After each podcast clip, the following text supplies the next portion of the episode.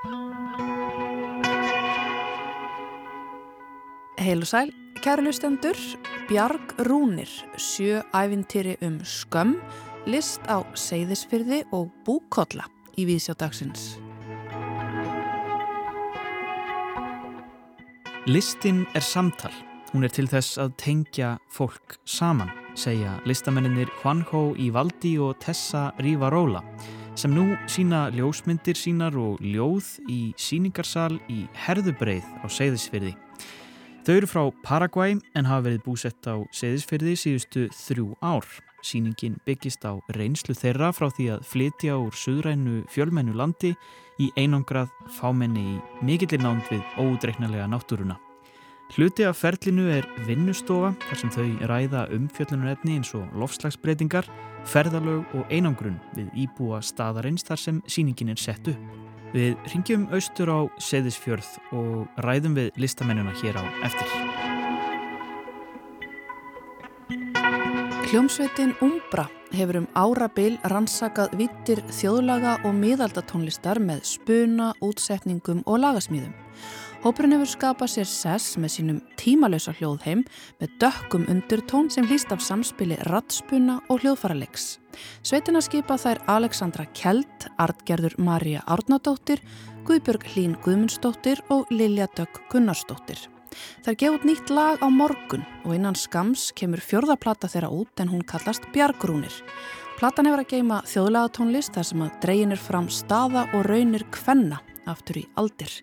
Ólík yrkisefni draga fram raunir sem að endur spekla íslenska veðráttu, strjálbíli, hrigaleg náttúruöfl eða áfallegsögu sem að erfist á milli kynnslóða. Það er Alexandra og Artgerður verða gestur okkar hér og eftir. Sjö æfintýri um skömm, ósvífin kabarett með kanamellum og lauruglustjórunum á höfuborgarsvæðinu er nýtt leikverk eftir Tyrfing Tyrfingsson sem frumsýnt var í þjóðleikúsinu um liðna helgi. Nína Hjálmarsdóttir, leikúsgagrinandi, segir okkur sína skoðun á því hér síðar í þættinum. En við byrjum á barnamenningarháttíð. Það kannast flestir við ævintirðum búkollu en nú á lögadag verður það sett í nýjan búning. Búkolla með nýri frumsamdri tónlist eftir tónskaldið Gunnar Andreas Kristinsson verður frumflutt í salnum í Kópavogi. Við settum snið með Gunnari og rættum þetta síkilda ævintýri.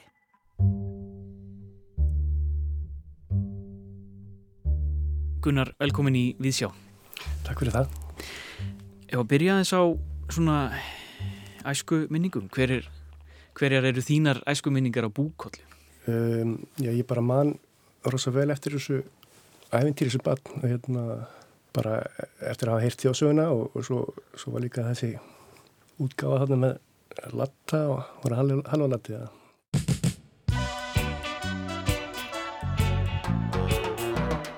Sem er síkilt svo er þetta bara svona skemmtileg saga, svona spennandi og eldingarleikur og Þetta er svona svolítið máttarstólpi þessara, þessara þjóðsagna, íslensku þjóðsagna. Þekkja flestir búkollu Nákvæmlega.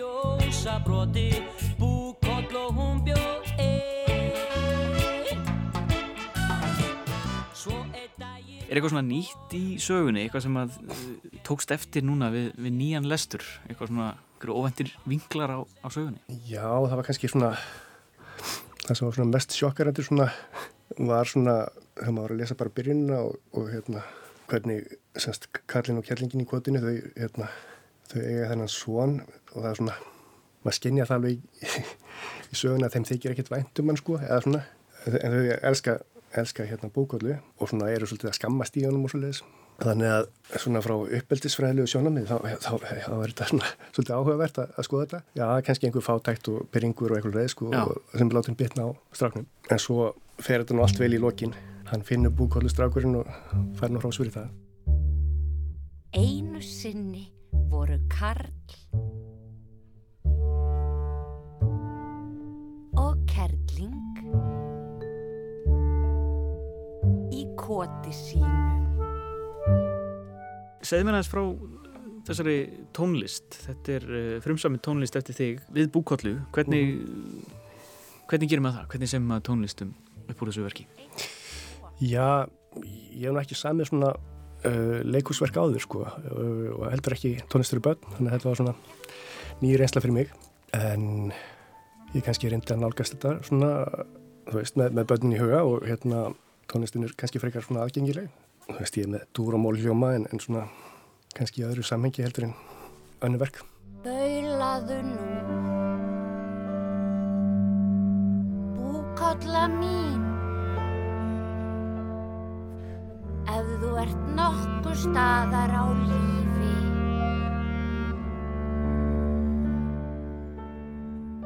Það er náttúrulega þessi, þessar endurtekningar í, í sögunni. mm -hmm. Var eitthvað svona, var eitthvað svona taktur, eitthvað, eitthvað músik sem þú sem kviknaði þegar þú bara last söguna?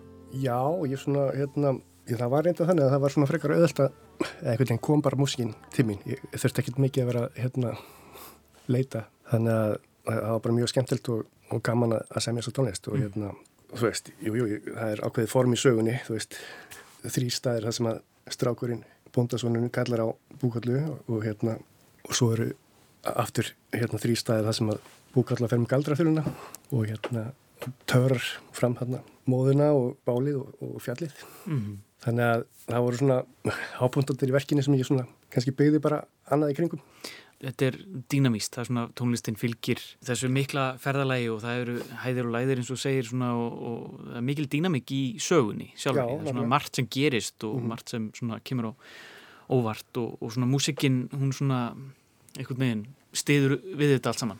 Já, já, ég, ég reyndi alveg að gera það og hérna, svo er til dæmis þessi eltingarleikur hérna, sem sagt strákurinn er búin að frelsa búkollu og hérna, skessutna komast að því og fara að elta, elta þau, Mm.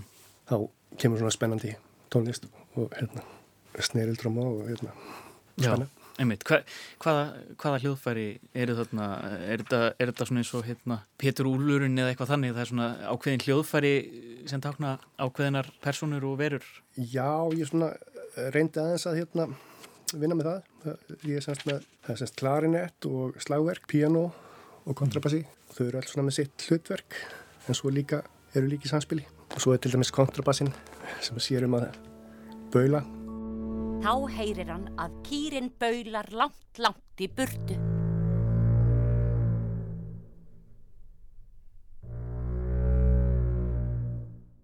Hvernig hljóma skessurnar? Já, það eru með svona sitt stef sko sem er svona svolítið þunglamlegt.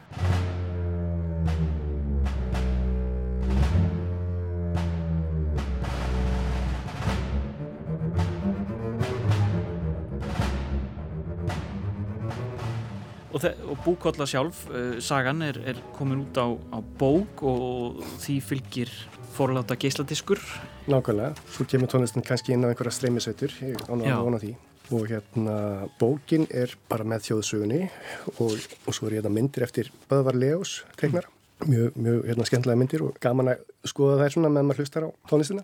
Og textin er, er hann eitthvað svona stílfærður eða er, er hann bara svona fengin úr? Já, þetta svona, byggir svona mestu bara á, á þjóðsögunni sko, en, en svona, svona aðeins búið að laga til orðalag hér og þar og, og skjóta inn kannski einn og einn sætningu. Þá segir hann, hvað eigum við nú að gera, búkolla mín? Hún segir, taktu hár úr hala mínum og legðu það á jörðina. Hann gjörir það, þá segir kýrin við hárið. Legg ég á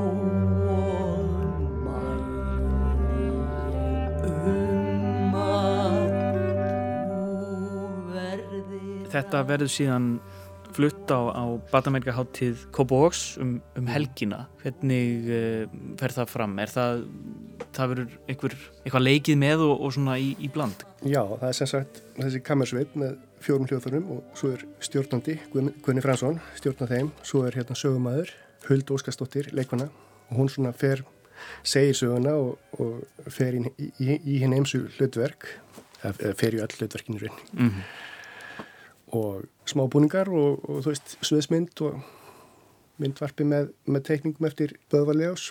Hvernig, hvernig hugsaðu sko börn sem áhörundur? Þau geta verið ódreiknaleg og, og vilja vera með oft og svona taka þátt. Hvernig ertu með það í huga þegar þú sér fyrir þér og ert að skipulegja tónlistina á, á sviði? Já, ég meina, þú veist, ég hérna hef alveg svona haft að þetta alltaf bak veira sko, svona, svona hvað, hvað getur gripið aðteklið þeirra og sliðið sko. Mm. Hérna, svo á ég náttúrulega sjálfur fjögur börn, þannig að ég var aðeins geta prófað þetta svona að þeim yngri. Þau gerðu sér glaðan dag, skáluðu í spennvolgri mjölk og sungu og dönsuðu fram á kvöld. Mér finnst bara rosa gaman að krakkar fái á, áfram að kynast þessari sögu og hún haldist lifandi, þessi gamla þjóðsaga sem er hérna svona skemmtileg og hérna bara gaman að, að blanda þessu saman við nýsköpun. Krakkarnir þeir, þeir eru opni fyrir öllum tegundum tónlislar sko hérna þannig að það er rosa gaman að geta saman fyrir þau. Ég meina þau eru ekki með neina forduma eða svoleiðis og bara taka öll eins og það er. Kollur aftur var ekki annað að sjá en að þeim tætt eftir allt saman ofur lítið væntum mann við bara við hömpum búkollu. Megi hún lengi lifa. Gunnar Andreas Kristinsson, takk hjálpa fyrir komina og gangið þér vel. Já, takk fyrir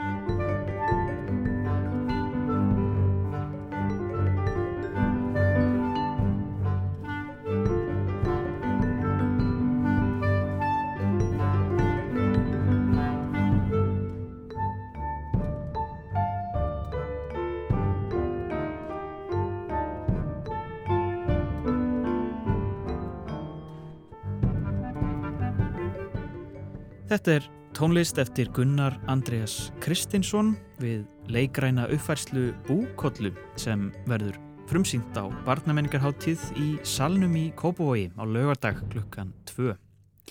Já, en þá í leikúsið, þjóðleikúsið, sjöafindurum skömm, ósvifin kabarett með kanamellum og lögreglustjórunum á höfuborgarsvæðinu, er nýtt verk eftir Tyrfing Tyrfingsson sem var frumsýnt um liðna helgi. Nína Hjalmarsdóttir tekur nú við.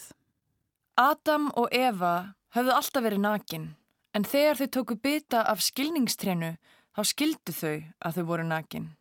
En í staðis að njóta þess bara að skilja eigin nekt vildu þau hilja sig, byrjuðu að nota skíluna.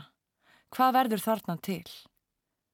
Svona spyr gæðlæknirinn í verkinu Sjö ævintýri um skömm sem var frumsýnt síðast liðið þjóstudagskvöld. Leikskáldið Tyrfingur Tyrfingsson hefur sínt það í fyrirverkum sínum að hann hefur einstakar öll. Hann kann að draga fram það sem er skítugt, ofbeldisfullt, óþægilegt, óhóflegt, of mikið. Það sem við vitum að er þarna en viljum ekki sjá. Verk Tyrfings búa yfir einhverjum krafti sem er erfitt að koma í orð og er kunst að koma á svið og hefur aldrei almennilega fengið að njóta sín fyrir nú í þessu verki. Loksins, loksins fekk þetta afl að springa út á stóra sviðinu og loksins, loksins fá áhörundur að sjá svona verk á stóra sviðinu í þjóðleikusinu. Við kynnumst gæðlækni sem tekur að sér nýjan skjólstæðing aðal personuna Öglu. Gæðlæknirinn hefur andstegð á hugrætni atfellis meðferð og trúir því að lækningin við sárum Öglu felist í því að finna rótina sem er skömmin. Við fylgjum þeim í gegnum verkið þar sem Agla segir lækninum frá sjö ævintýrum sem tengjast henni og fólkinu sem stendur henni næst á einn eða annan hátt. Á sviðinu verður til veistla af sögum þar sem innra stríð personana reynir að íta við þeim og stjórna merkingu þeirra. Tekstinn er svo beittur, svo bilaðslega fyndin og svo óþólandi sannur að mann tekur andvörp á köplum. Tyrfingur notar þá aðferða undir tekstin er í sjálfum tekstanum. Það er að karakterarnir segja undir tekstan beint út og er ekki á hversmanns færi að leikstýra því en Stefánu Jónssoni ferst það mjög vel úr hendi. En hann hefur séð hvers konar demantur þetta handrit er og smíða þann sterka, surrealíska djúsi heim sem það á skilið. Stefán dregur fram mjög sérstakann leikmáta sem byggist á að finna leikin í líkamannum.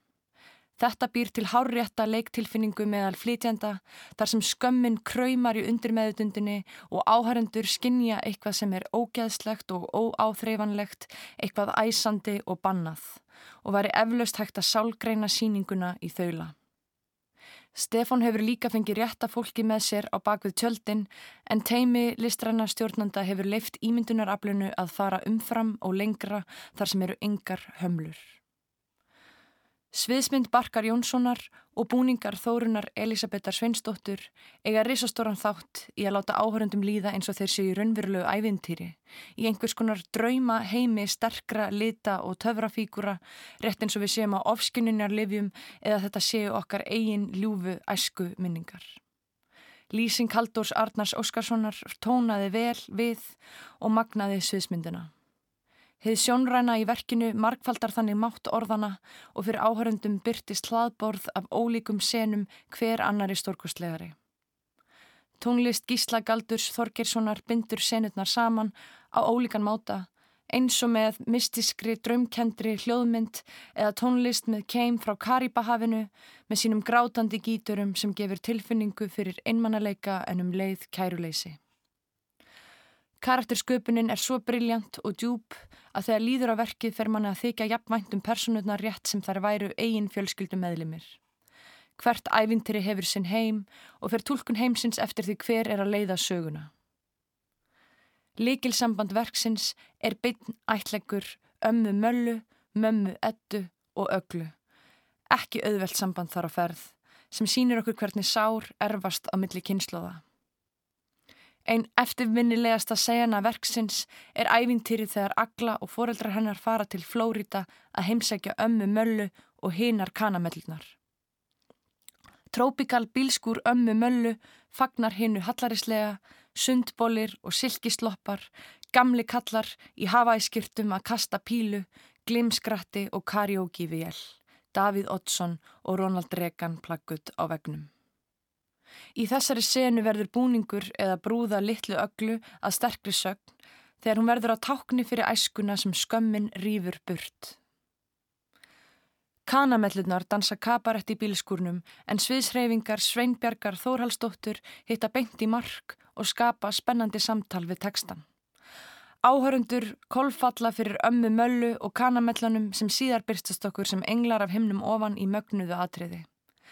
En þegar betur er að gáð má sjá að senan er séð frá sjónarhorni öglu. Þetta er hennar ævintýri þar sem allt er æðislegt og amma malla lyktar eins og liturinn bleikur.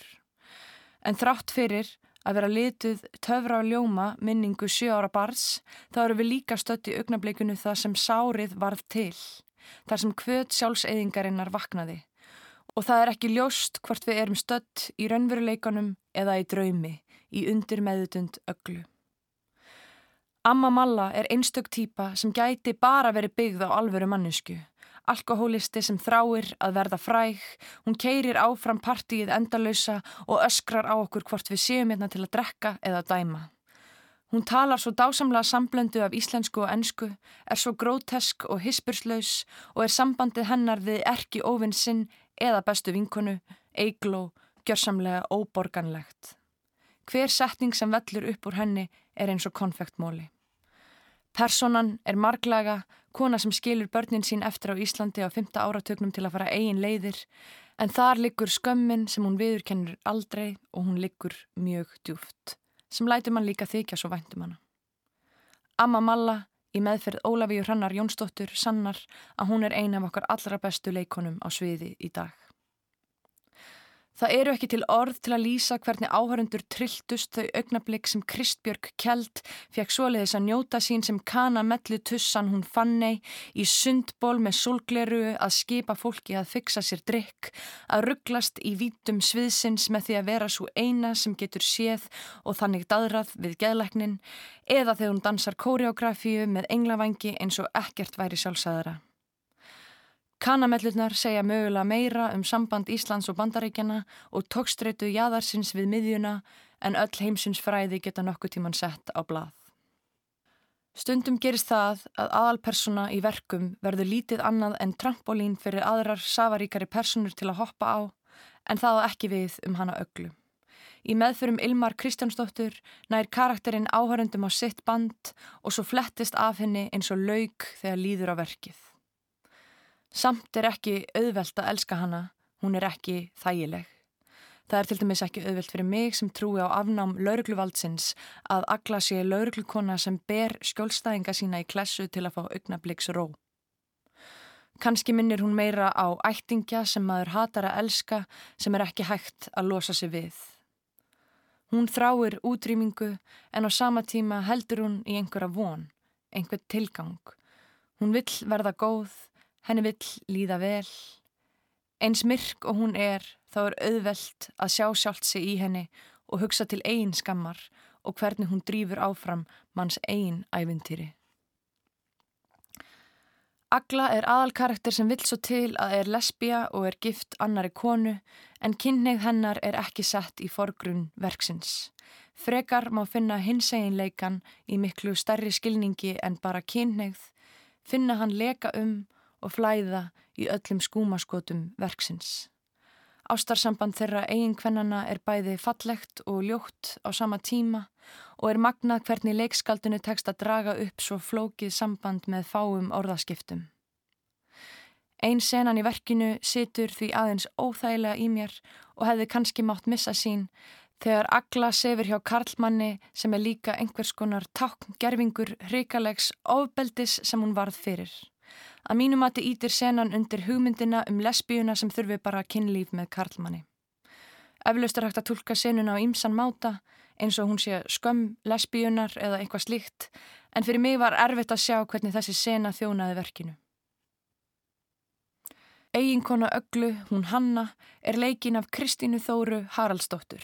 Hún er svona kakóseremóniu jákvæðnismanniska sem heldur aldrei kæfti og setur allt á samfélagsmiðla Nefna í flutningi Kristínar Þóru verður hún aldrei að klísju, heldur hún mjög þrývið og krassandi karakter sem ég hætti ekki að hugsa um núna mörgum dögum eftir síninguna. Þó að þetta sé verk, hvern karaktera voru þú nokkrir karlmenn í síningunni. Hilmir Snær Guðnason sem geðlagnirinn skilaði sínu og var mónolókurinn hans þar sem hann opnaði á róð sársöka síns mjög áhrifamikill. Eggjart Þorleifsson er einn af þessum leikurum sem þarf ekki nema reyfa litla putta til að fá áhöröndur til að veltast úr hlátri en hann var eins og sniðin í hlutverk friðgers pappa öglu, persóna sem kemur á óvart og býr yfir meiru en virðist í fyrstu og Eggjart ljáði mikla dýft. Vincent Kári Vander Valk kom með ferskan anda í hópin í sínum mörgu hlutverkum. Edda Arljósdóttir kvildi vel í hlutverku lauruglukonunar og Elva Ósk Ólafsdóttir náði komískri tólkun á kanamellinu Eigló sem finnur tilgangsinn í að apa allt eftir ömmu möllu. En síðast en ekki síst verður að nefna kannski erfiðasta karakterverksins, lauruglustjóran sjálfan og mömmu öglu hanna ettu sem var leikinn af steinunni Ólínu Þorstinsdóttur af þvíleikri fagmennsku og næmni að mann langar helst að fallað fótum hennar og tilbyða hana. Með litlum hreyfingum, með tón í rött og beittum augtilitum finna áhöröndur á eigin líkama fyrir eitraðri orkunni, hæglátri heimtufreikjunni, stjórnseminni og óbylandi ástinni í sambandi þeirra maðgna. Það er líkt og sorg og skömm mörg þúsund mæðra brjótist út í einni personu. Loka sena verksins hverfist um samband öglu og hönnu, um þversögn fantasíunar um ástina við ástina í hversteinum, en svo opnast allt verkið að áhörundum og galdrar leikusins flæða óhindrað að þeim. Senan minnur okkur á að við getum ekki farið fram hjá sárunum, heldur verðum við að fara í gegn, í gegnum myrkrið. Síðasta augnablík verksins nær að innstu hjarta og skamma rótum og mun aldrei líða mér úr minni. Sjöævintýri um skömm er óður til töfra leikusins, óður til hinseginsleikans, og óður til alls sem er skrítið á ská og ómikið. Helviti er það að trúa að lífið sé helviti og sálaró finnst ef hægt er að trúa á að ævintýrið endi vel. Þessi síning er listaverk sem enginn má láta fram hjá sér fara og sem tegir sér langt út fyrir veggi leikusins, tengir saman, hristir uppi og græðir sár. Sagði Nína Hjálmarsdóttir um nýjasta leikverk Tyrfings Tyrfingssonar, sjö ævintýri um skömm, sem frumsýnt var um liðna helgi í þjóðleikúsinu, en þá yfir í heim tónlistar og bókmenta arfs. Hljómsveitin Umbra hefur um árabil rannsakað vítir þjóðlaga og miðaldatónlistar með spuna, útsetningum og lagasmíðum. Þar gefa át nýtt lag á morgun og innan skams kemur fjörðaplatan þeirra út en hún kallast Bjargrúnir. Platan hefur að geima þjóðlagatónlist þar sem er dreyin fram staða og raunir kvenna aftur í aldir. Sveitina skipa þær Alexandra Kjeld, Artgerður Marja Arnadóttir, Guðbjörg Hlín Guðmundsdóttir og Lilja Dögg Gunnarsdóttir. Þær Alexandra og Artgerður litu við í morgun. Stóðum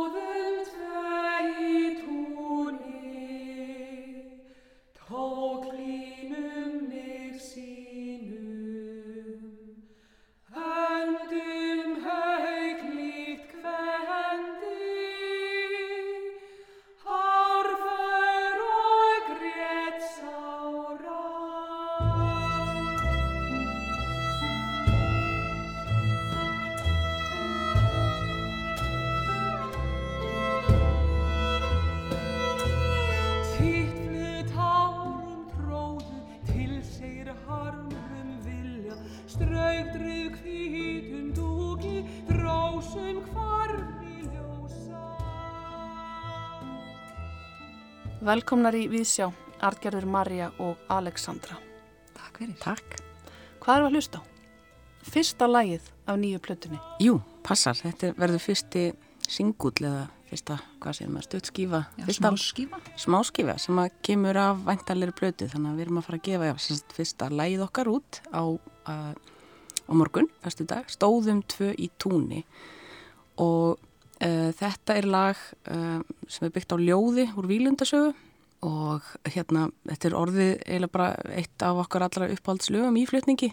Þannig að okkur fannst alveg vel við hæfi að setja það fyrst út að væntalegri plötu og hérna við gerðu, gerðum gott betur og við tókum upp myndband sem er hérna, tókum upp við elliða vatn núni í februar Um, það er tekið upp af og leikstýrt af Blair Alexander hérna kumdegeramanni og, og erum bara nokkuð ána með þá afur og hún kemur líka sérst út á morgun mm -hmm. á sama tíma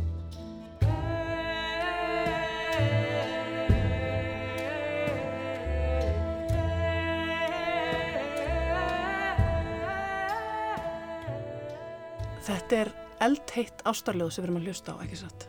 Jú, eh, það má eiginlega segja það. Þetta er að talað um þetta sem einu fyrstu ástarsögu Íslendinga. Uh, þetta er sérst, Vílindarsaga er frá svona 14-15 öld og þar er í fyrsta skipti verið að, hérna, segja svona ástarsögu tveggja einstaklinga þarna Vílundar og, og Ketilríðar og á þessum stað sem er svona um, setni hlutanum á sögunni að þá hveður uh, Vílundur til, til Ketilríðar og, og þau þurfa að kveðjast eh, kveðja hvort annað og hérna standa þarna tvö í túnni og hún fær hárið hans og hann heitir því að hann ætlar ekki að þóða aftur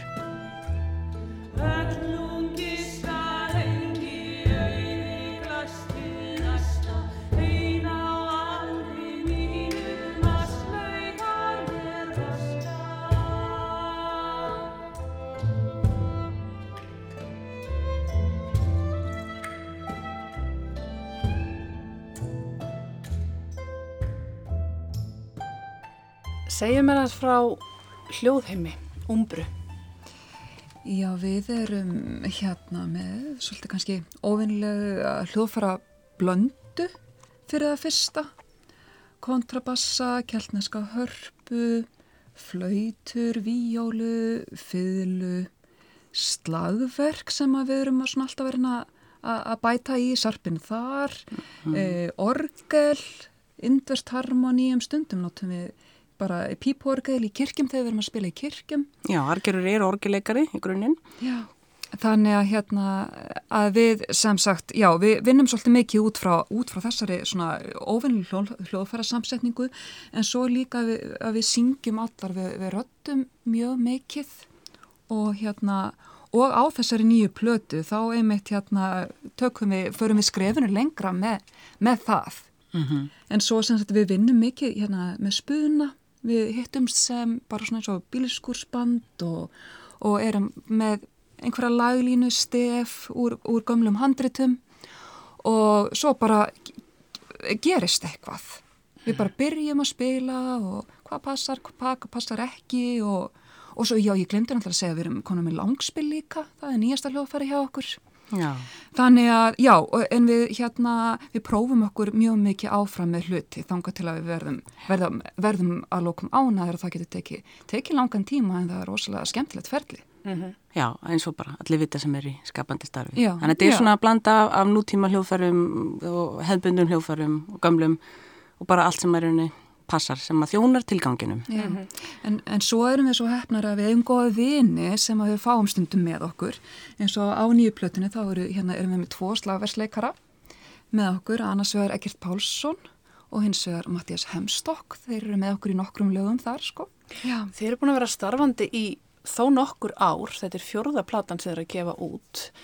Önnur platan ekkar uh, Solkvörf, hún vann Íslensku tónlistaverlin 2018 ekki satt? Mm -hmm og þriðaplatan ykkar var tilnemt árið síðar. Já, já. Og, og fyrsta reynda líka. Og fyrsta líka, já. já. Þannig að þeir eru, já, þeir eru búin að starfa saman lengi en svona, mm, eins og þú segir, þeir komuð á ólíkum áttum með ólíkan bakgrunn, mm -hmm. það er mhm. ekki alltaf sem að ljóðfærarleikar einmitt nota röttina. Hvernig, hvernig var þetta til? Hvernig var þetta umbrand til á sínu tíma? Já, um, við, við, við dróðum stað hverja annari, við hefum stund verið spurðar að þessu og það er ekki eftir svona alveg uh, getum ekki alveg bent á það nákvæmlega hvernig það gerðist en við þekktumst svona aðeins í, í bransanum og hefðum spilað saman tvær og tvær og þrjár og þrjár í gegnum ólík verkefni. Við erum flestar svona, já við erum allar með svona klassíska mentin á bakinu. Og, og, og en svo hefa líka margar okkar verið í bara öðrum öðrum formum tónlistar í ritmiskru. Þannig að um, já, við, við höfum allar brennandi áhuga á einhver svona gam, gamalli tónlist, þjóðlega tónlist, þannig að smán saman bara fundum við, þefum við hverja aðra uppi og, og byrjuðum að spila saman. Þetta byrja á einhverju einu prófétti og svo, svo bara held þetta áfram. En þetta er, þetta er pínu hérna, áhugavert vegna þess að við komum úr þannig svona, já, ég vil ekki segja endilega mjög strangur, en þetta er samt svona, þetta er ákveði umhverfi og ákveðin umgjörð í klassiska heiminum sem er síðan allt annar í ritmiska heiminum mm -hmm. og við viljum, ekki, við viljum ekki vera bara einu megin, við viljum bara gera það sem þjónar tónlistinni og það sem veitir okkur sem mest listrænt frelsi. Mm -hmm. Það hefur bara átt að heitast. Ég held að það hefur gerst fyrir það síðar, í, á þessu litla skýri. Já, en líka þetta, þetta gamla efni, það eru svo margar möguleikar í því það er að gera svo margt og það er það sem að gera þetta svo spennandi. Þetta er bara fjársjóður sem við Íslandingar eigum hérna í, í okkar, okkar handritum fullt af efni og við erum bara rétt að byrja, er það ekki? Jú, Já, það er nóg, nóg, nóg að taka nóg eftir sem hægt er að gera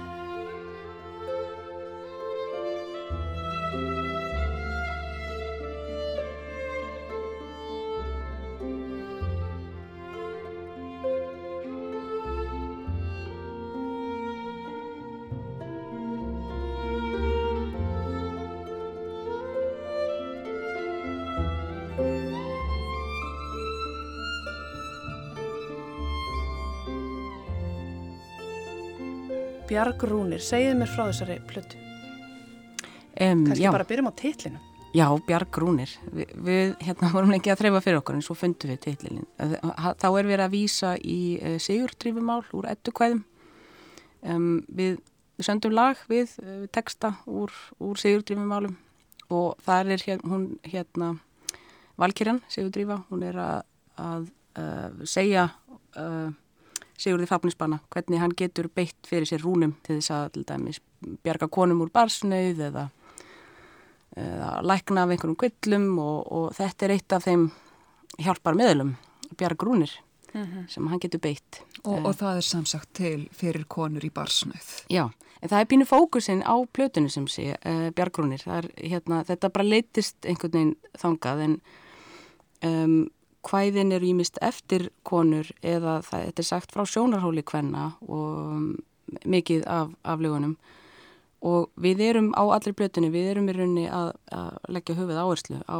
íslenska þjóðlega arfin og við erum að leita fanga hérna og það, við eigum auðvitað þjóðlega þess að Bjarnar Þorstinssonar en svo eru líka ímis hvaðilega söfn, hérna það eru silfublötur og segulbönd yðunar og svo eru enga söfn og hérna segulbandsupptökur frá árnastofnun það er ímislegt til mm.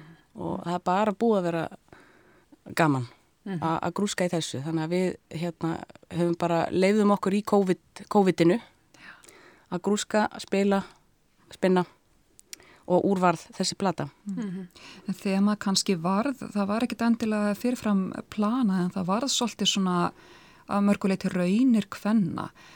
Og en það er líka áhugavert að maður fyrir að skoða þjóðlega arfin hvað eh, hérna Íslandingum hefur verið hugleikið bara þetta veðurfar og þessi lífsparátt að hér og það hefur svona alltaf höfðað einhvern veginn til okkar og það er eitthvað svona kannski ákveðið þunglindi í íslenska þjóðlagarfinum mm. eða maður kannski skoða Skandinavíu, þeir eru miklu meira bara í ástinni og einhverju saman út í skói að dansa og fallir eitthvað svona. Fallir í, fallir að. Já, sko. einmitt, nákvæmlega, það er meira svo stemming en, en hér er allt bara óbáslega erfitt sem að náttúrulega bara, það var bara lífið og fólk hafi bara þörf fyrir að tjá sig eðlilega kannski um mm. það Mm. og þetta með þessar, með þessar konur, þessar sterku, merkilegu konur, það bara hérna, það talaði svo sterk til okkar þannig að platan er svolítið tilengu þeim. Mm. Já, einmitt. Ég meina eitt hvæði til dæmis fagurtir í fjörðum eftir hann að Látrabjörgu, hún er að segja þarna að þetta, þetta er einhver fegursti staður veraldar en jafnframt er hann eitt svo allra versti og Já. þetta er hérna, hérna alveg stórmerkileg kona og hún hérna þurfti að bjarga sér alla sína æfi og hún síðan dó, hún deyr í móðuharðindunum um, sem að drap hérna stóran hluta þjóðrænar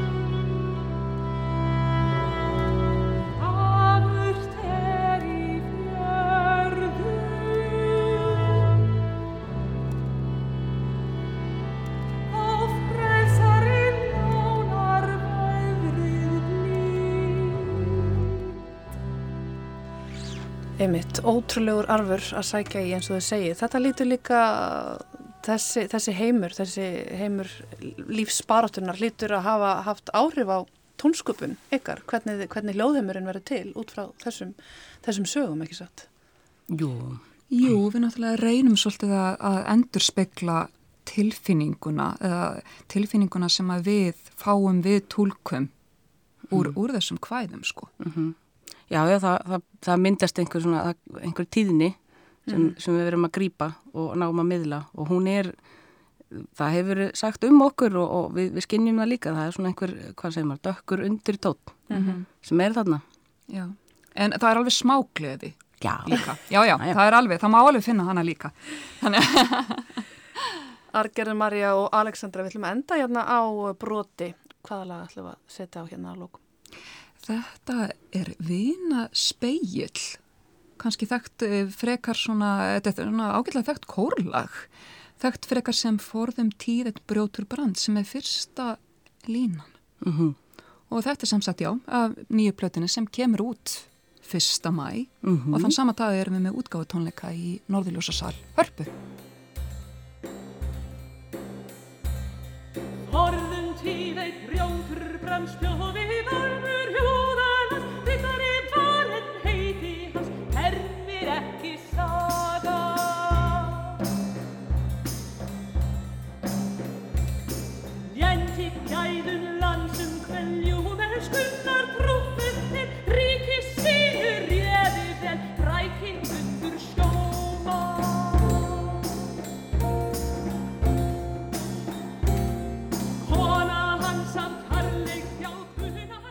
Hér við lók viðtalsins við þar artgerði Marju Árnadóttur og Aleksandru Kjeld úr hljómsveitinni Umbru herðu við brot úr læginu Vinaspegill, lag sem að er að finna á Bjargrúnum þeirra fjörðuplötu sem að kemur út 1. mæ.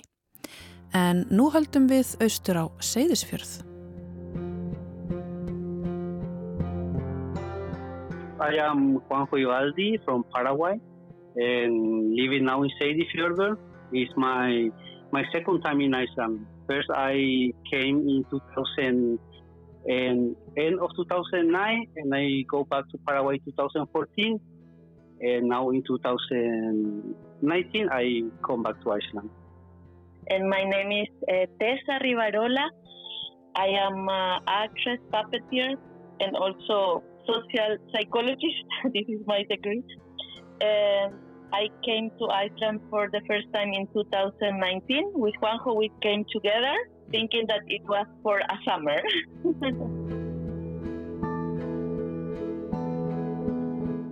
Þetta eru þau Juanjo Ivaldi og Tessa Rivarola.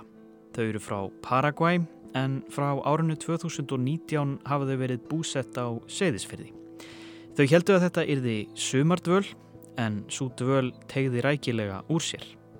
Juanjo er ljósmyndari og Tessa er leikona og brúðulistamæður í bland við það að vera ljóskald.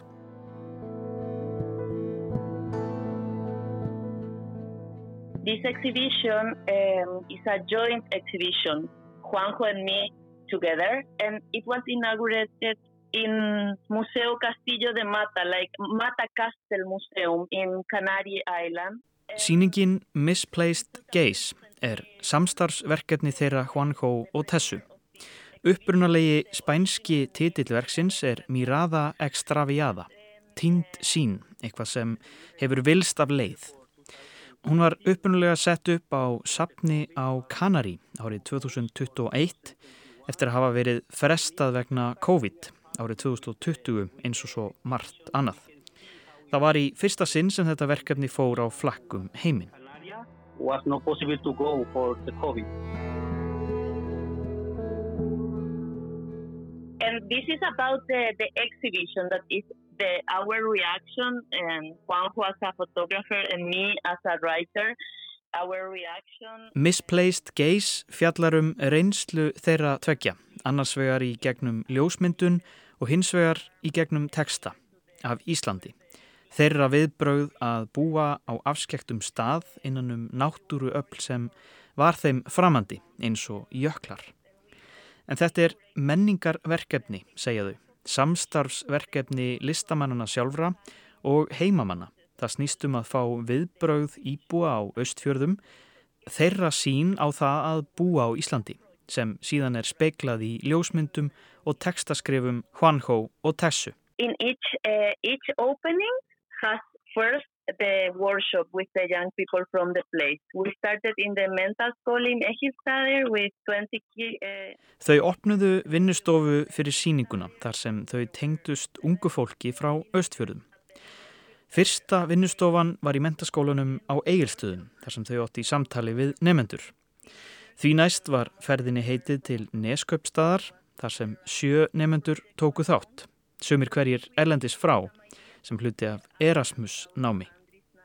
Hluti af þessu var að spila orðaleiki eins og skrabbul með krökkunum til þess að rannsaka orðaforða í kringum lofslagsbreytingar og einnig ræða við þau um myndirna þeirra og ljóð um sama efni. their perception, their opinions about climate change through pictures and through text.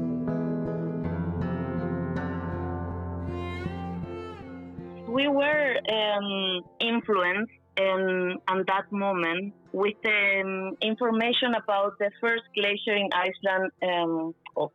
Ok Jökull uh, was extincted. And Til að byrja með sóttu þau innblástur í þær fréttir að ók jökull var afskráður af vísindamönnum sem jökull. Haldin var minningaratöfn þar sem Andrei Snær Magnason skrifaði minningargrein um horfin jökull. Fyrirbæri sem væri á undanhaldi frammi fyrir lofslagsbreytingum. Tessa leitaðist við að skrifa teksta sem væru á einhvern hátt líkamlegt viðbragð við þessari nýju náttúru mynd, einangruninni sem hún fann fyrir hér á landi og upplifun af björtum íslenskum sömrum og dimmum vetrum. that was my case.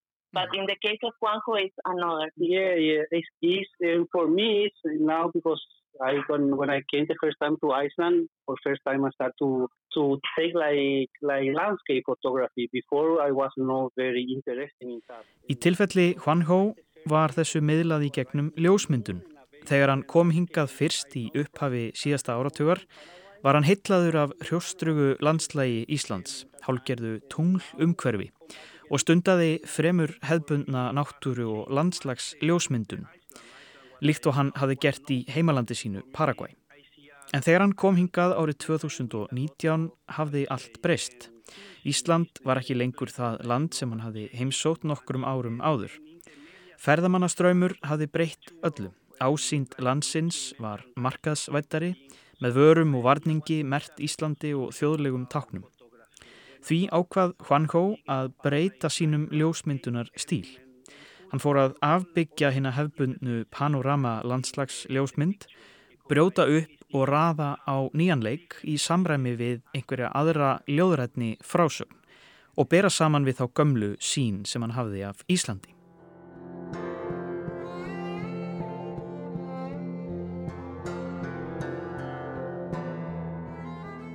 Sýningin Misplaced Gaze er nú til sínis á Seyðisfyrði en næsta stopp vinnustofunar og síningarinnar verður hugsanlega á Kvamstanga, segir Tessa. Það er alþjóðleg brúðilista hátíð haldinn árlega.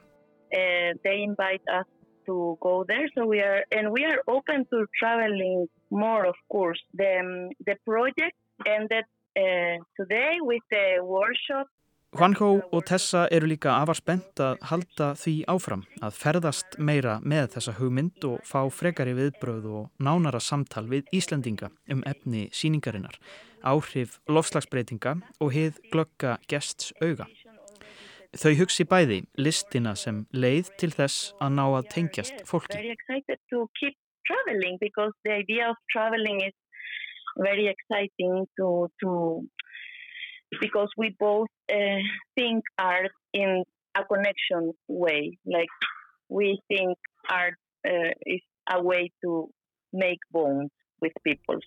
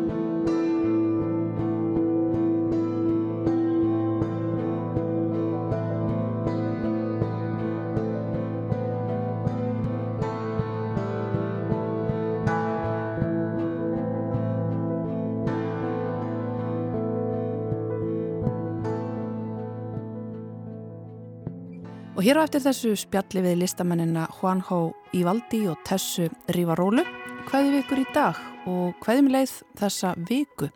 Við verðum hér aftur eftir helgi og minnum á að það er alltaf hægt að lusta á viðsjá í spilara rúf og í helstu streymisveitum. Við ætlum að hvaðja í dag með afmælisbarni dagsins en það er hinn einasanna Billie Holiday. Takk fyrir að hlusta og verið í sæl. Hér er Billie Holiday og lagið Lover Man. I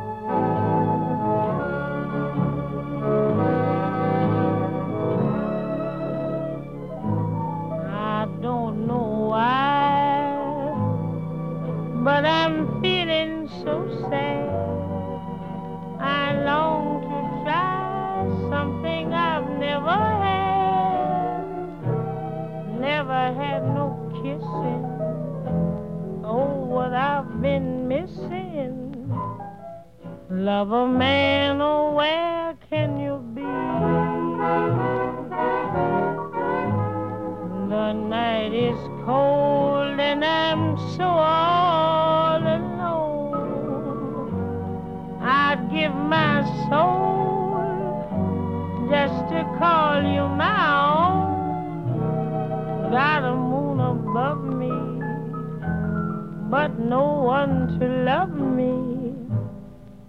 Love a man, oh, where can you be?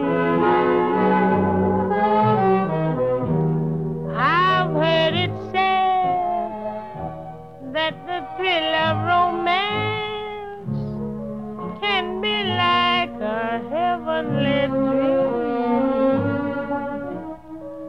I go to bed with a prayer that you'll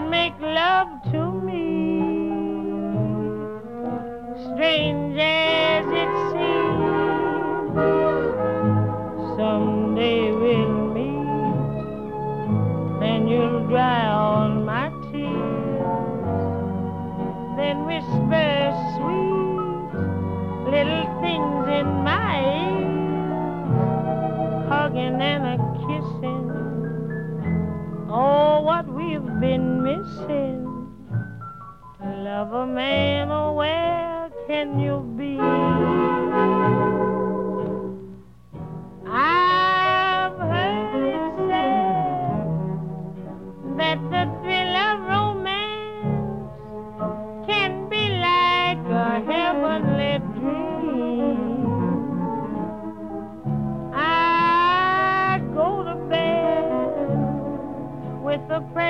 That you'll make love to me. Strange as it seems, someday we'll meet, and you'll dry all my tears. Then whisper sweet little things in my ears,